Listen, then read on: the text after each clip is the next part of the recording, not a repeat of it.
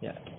Oke, baik teman-teman. Eh, sore hari ini eh, agenda kita itu ingin membahas tentang eh, asal soft skill. Nah, di sebelumnya itu sebenarnya sudah dijelaskan sama Pak Benny tentang asal soft skill atau pengembangan diri. Kalian sudah sempat mendengarkan atau belum di podcast itu? Apa aja? Oh iya, podcast dulu. Belum. Tapi yang kalau berarti penjelasan secara langsung ya? Iya. iya. Nah, tahun ini kalian sebagai kelas 10 dan kelas 11 itu berbeda. Nanti jadi semacam ada dua lah.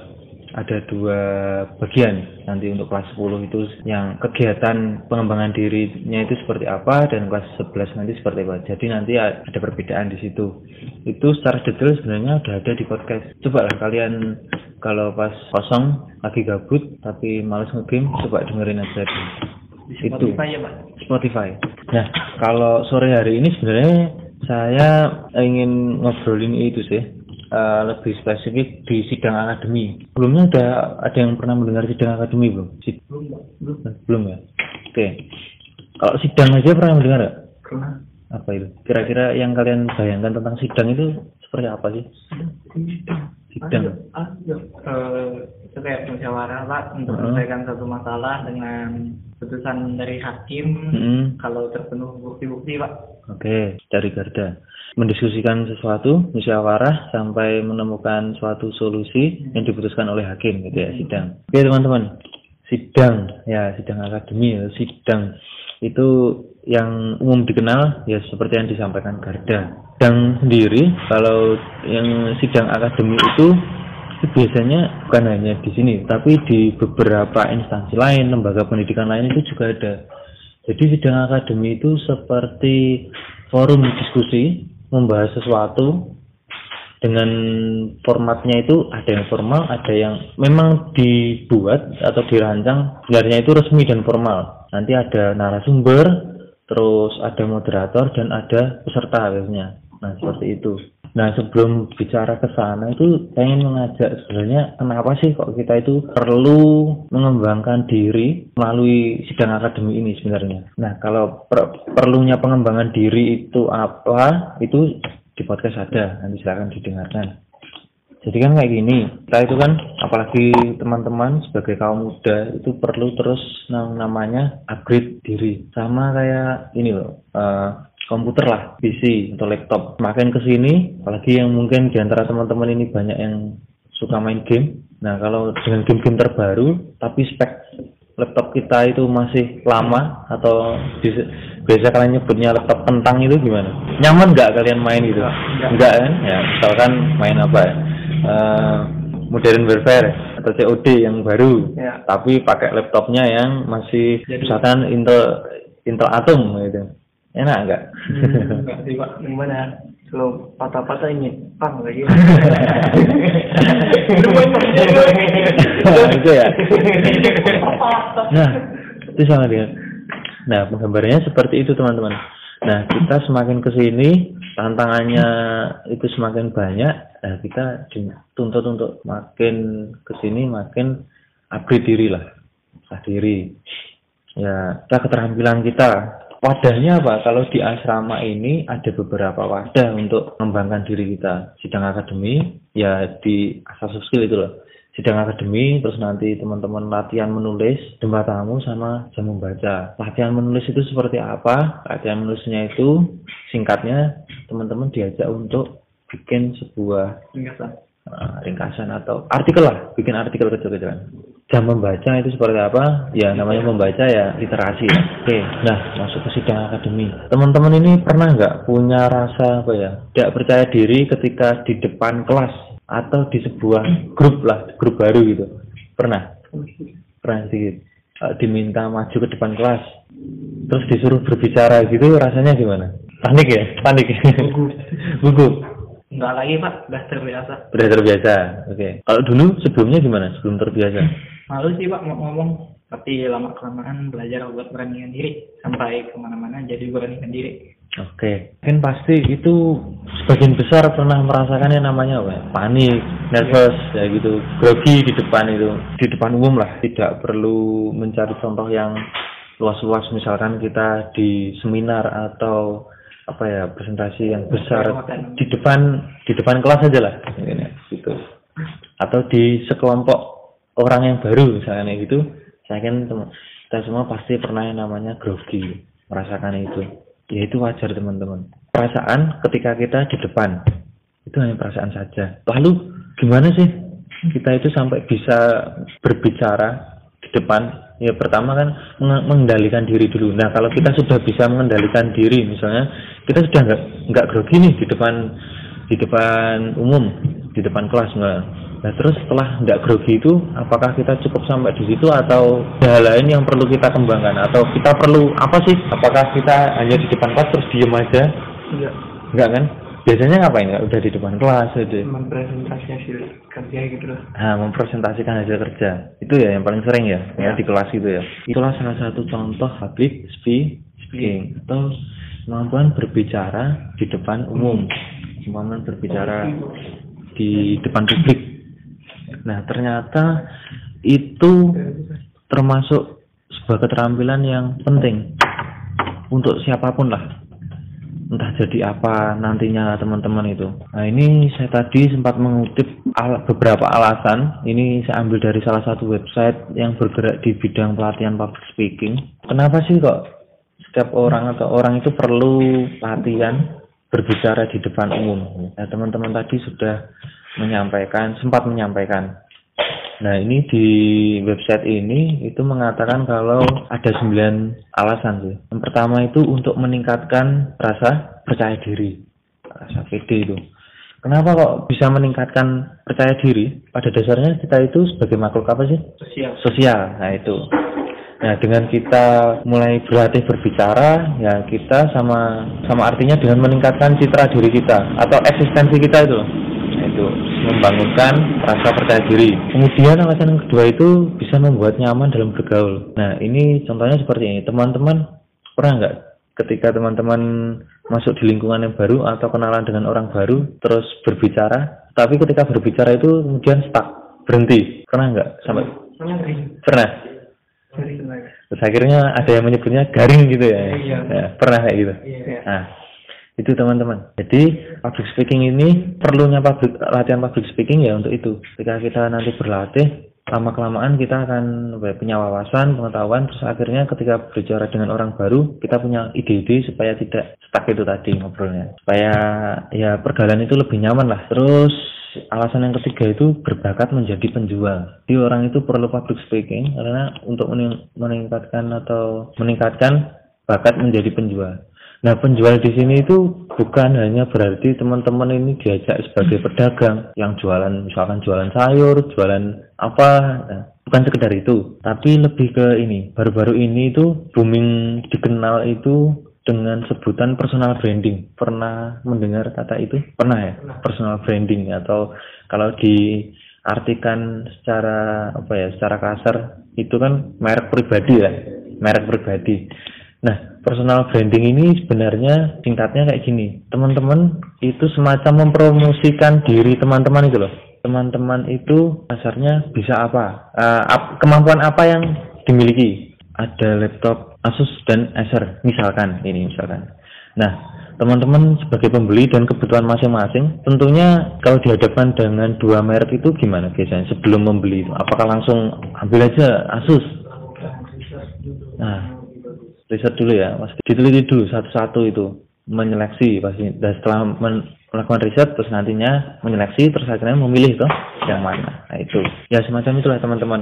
Dari pabrikannya masing-masing Asus dan Acer itu melakukan nah itu branding dulu. Yang kami miliki ini seperti ini Acer itu seperti apa Asus ini seperti ini nah, misalnya kayak gitu alasan selanjutnya terus ini mudah memahami lawan bicara. Nah, kalau kita sudah terbiasa untuk public speaking, punya kemampuan itu, kita akan lebih mudah ketika berbicara dengan orang lain. Jadi orang lain pun kalau ngajak kita berbicara itu udah jadi nggak canggung terus lebih mudah itu. Nah, selanjutnya itu berjaga-jaga ketika kita harus bertindak sendiri. Maksudnya kalau misalkan teman-teman di kelas diminta untuk diminta wali kelas untuk mengkoordinir. Lah misalkan pertemuan apa. Nah teman-teman sudah siap. Selanjutnya ini alasannya untuk meningkatkan kualitas hidup.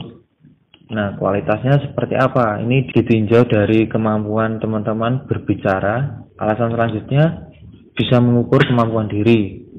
Kemudian yang ke delapan meningkatkan pengetahuan. Jelas ya ini ya, kalau kita gampang atau mudah untuk berbicara lagi dengan orang baru, pasti dapat informasi dari orang-orang itu. Lawan terakhir menjadikan diri ini menjadikan diri sebagai orang yang spesial atau istimewa. Nah ini dampak akhir sih. Pentingnya punya kemampuan berbicara di depan publik. Sampai sidang akademi itu kan memang yang umum, yang namanya sidang itu memang ada forum resmi ya. Ada forum resmi, terus kegiatan bentuknya itu terstruktur. Nah, tapi nanti di asrama kita nanti dimodifikasi.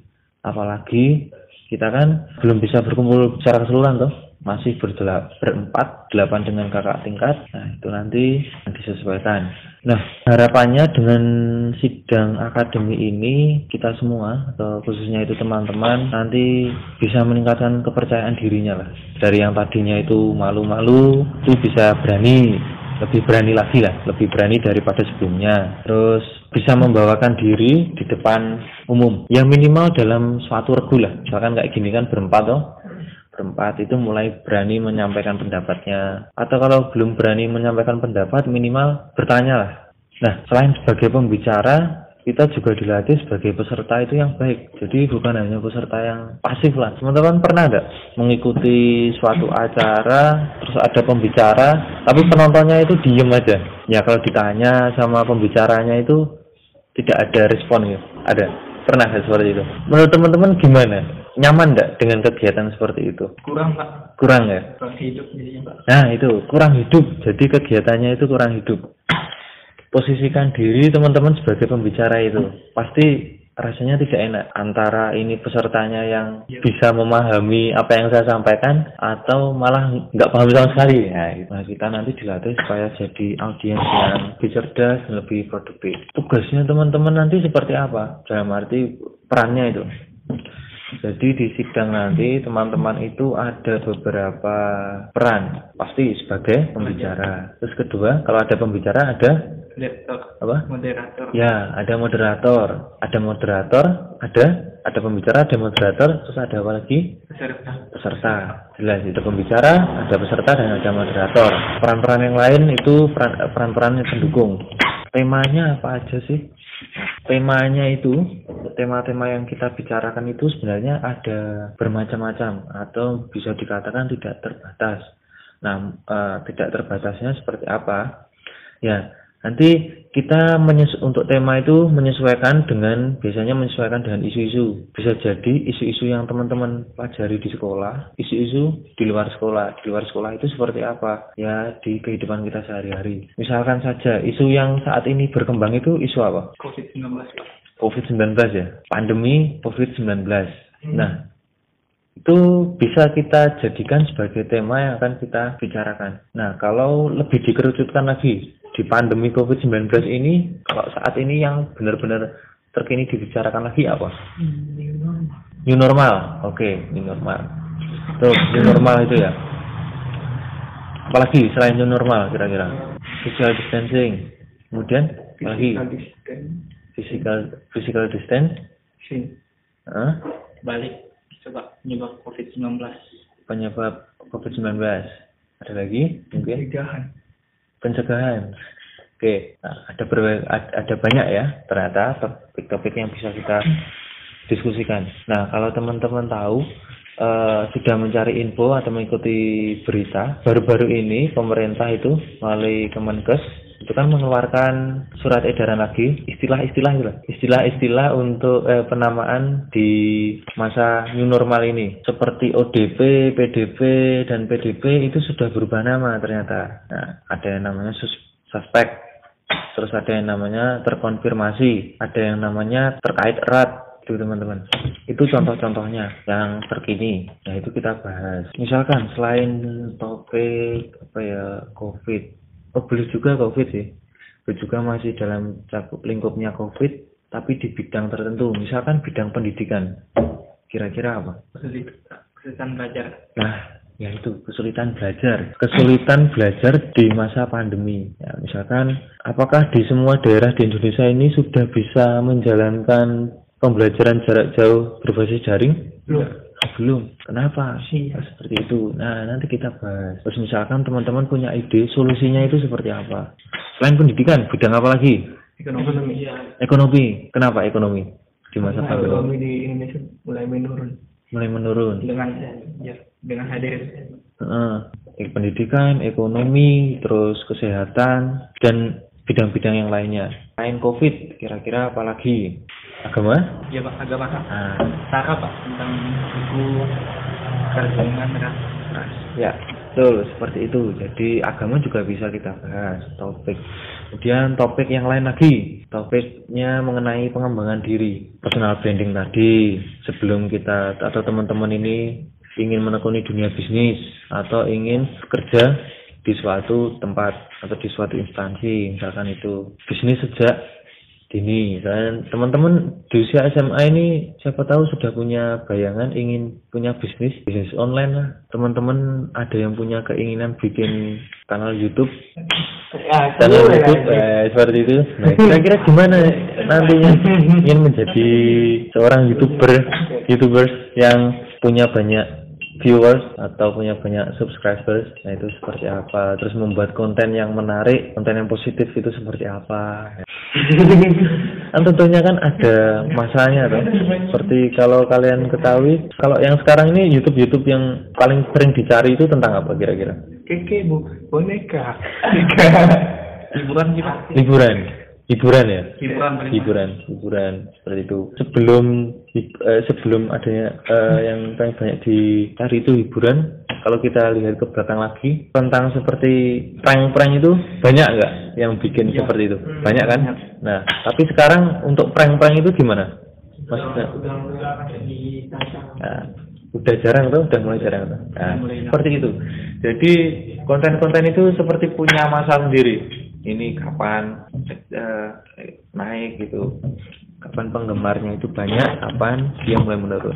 Seperti itu. Mungkin semakin ke sini nanti kalau sudah masuk ke pelajaran pembelajaran, nanti ujian-ujian, mungkin nanti yang banyak di atau dicari itu ya hubungannya dengan pelajaran. Oke, masih banyak lagi tema-temanya. Nah, polanya itu seperti apa sih? Gambarannya seperti ini, teman-teman. Supaya teman-teman tahu, forum diskusi resminya itu nanti, itu yang namanya resmi, pastikan ada sebuah aturan dengan kaidah-kaidah komunikasi formal. Itu nanti ada ketua sidang, terus kemudian ada yang mencatat, itu nanti sekretaris atau notulen, terus ada pembicara atau narasumber, kemudian ada moderator dan ada peserta.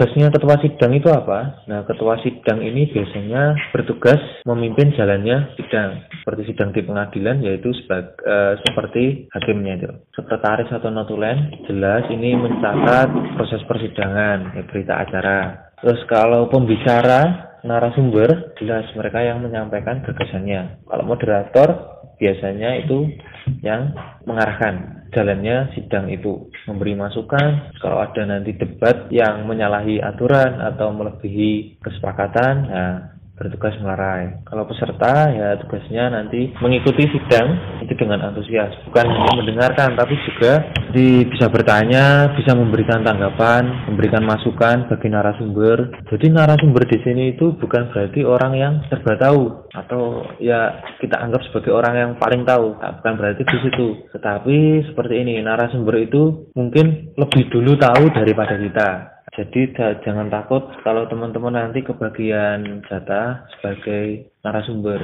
teman-teman tidak wajib atau tidak mutlak harus tahu tentang apa yang kalian bicarakan tapi kalian punya temanya ini, kalian punya pendapat ini disampaikan. Nah, seperti itu. Oke, kontennya itu seperti apa? Kalau kalian ditanya tentang konten, kira-kira ya sudah membayangkan sidang akademi ini seperti apa?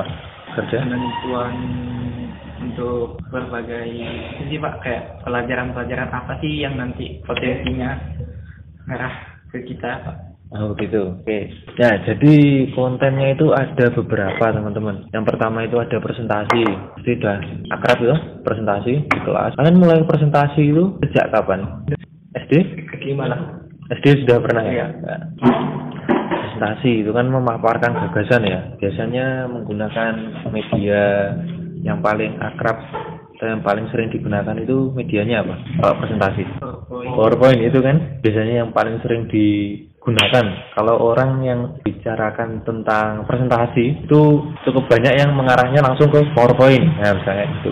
Jadi kalau dilihat lebih luas lagi, presentasi itu ya itu menyampaikan gagasan dengan bantuan. Tentunya yang disampaikan itu sudah melalui riset sebelumnya, ya membaca atau mencari artikel-artikel lain. Nah, itulah sumber-sumber untuk menyampaikan gagasan kita. Untuk memperkuat lah memperkuat gagasan kita. Teman-teman tidak harus menggunakan powerpoint. Ada berbagai macam. Misalkan video. Oke, sudah kebayang ya kalau presentasi sudah pernah melakukan juga yang selanjutnya itu pidato atau orasi. Sudah pernah sebelumnya? Belum. Nah ini ada yang belum ada yang sudah. Nah di sini nanti kita bersama-sama belajar.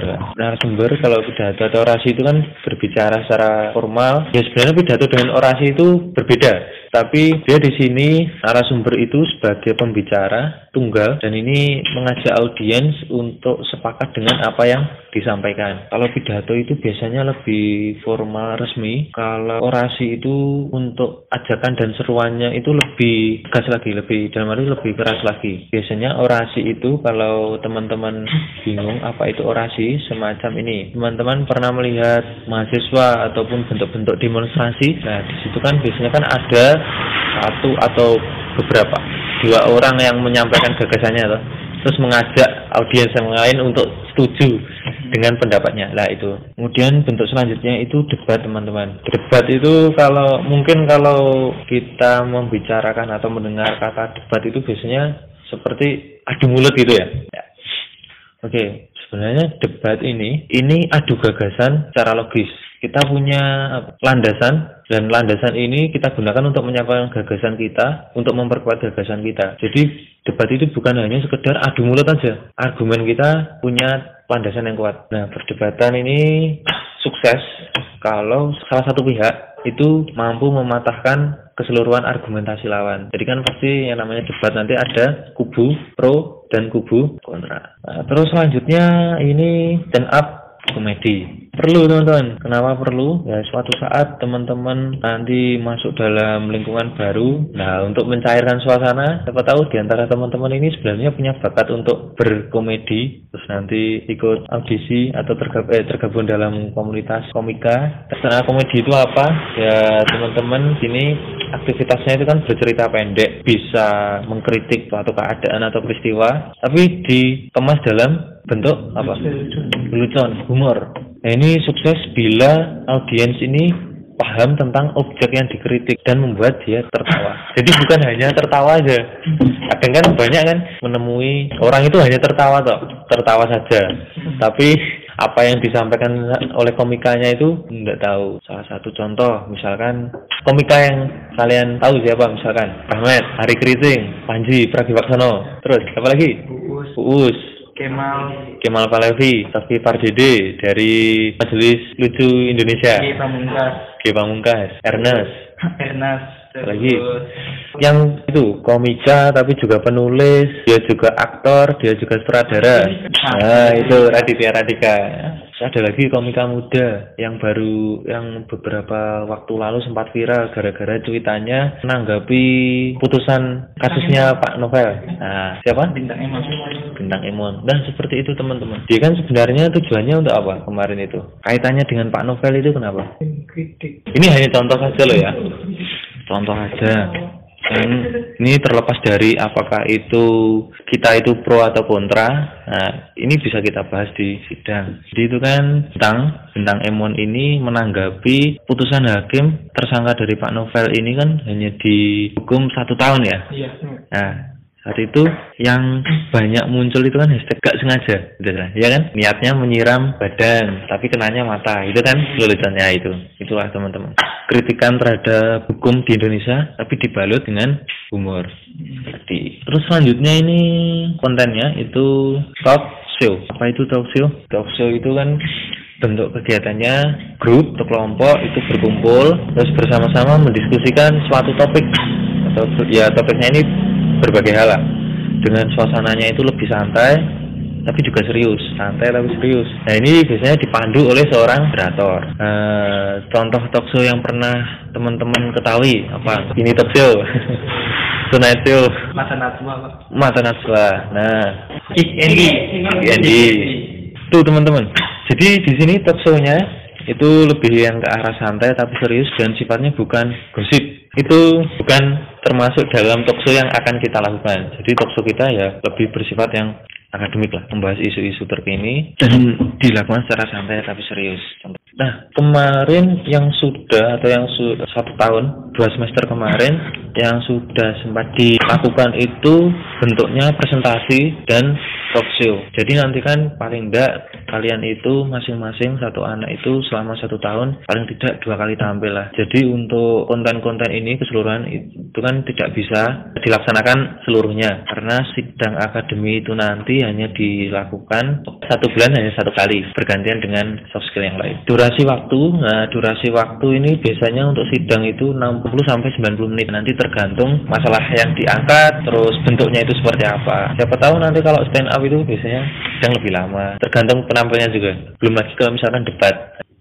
Selama sidang ini nanti kan pasti ada etikanya ya. Teman-teman diajak untuk mengikuti diskusi dalam forum ini uh, dengan etika yang baik itu seperti apa? Kalau misalkan teman-teman ini uh, ingin menyampaikan gagas uh, sebagai misalkan teman-teman sebagai peserta ingin menyampaikan gagasannya nah apakah di tengah-tengah yang berjalan atau di tengah-tengah narasumber itu berbicara terus teman-teman punya argumen tertentu langsung berbicara? Kan tentunya tidak. Nanti nanti akan dipandu oleh moderator. Moderator juga dari kalian sendiri. Nah untuk satu semester ke depan nanti kita pastinya akan lebih banyak menggunakan meeting online. Nah, entah nanti dari Zoom via Zoom atau Google Meet atau misalkan Webex atau yang lain. Tapi kemungkinan ya kita menggunakan Zoom meeting. Mungkin rasanya berbeda ketika kita berbicara. Depan kita itu ada banyak mata langsung orangnya ada ketimbang kita melihat melalui kamera ya pasti itu kan ada bedanya. Nah, tapi itulah teman-teman yang perlu kita pelajari. Karena nantinya pun itu sudah mulai banyak pelat ya seperti pendidikan terus pelatihan itu yang biayanya online daring. Nah, jadi itu tadi teman-teman terkait sidang akademi gambaran sidang akademi itu. Untuk lebih jelasnya lengkapnya seperti apa terus kapan teknisnya lah. Kapan teman-teman maju temanya yang akan disampaikan apa yang dibahas apa itu akan disampaikan di kemudian hari. Oke, terima kasih. Demikian sudah kita simak bersama bagaimana penjelasan Pak Dias mengenai sidang akademi bagi teman-teman kelas 10.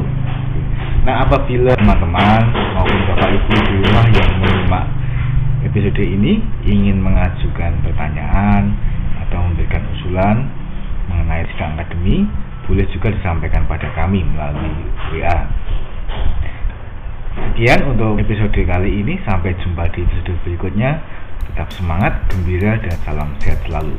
Salam Tarakanita, satu hati, satu semangat. Tarakanita, yes.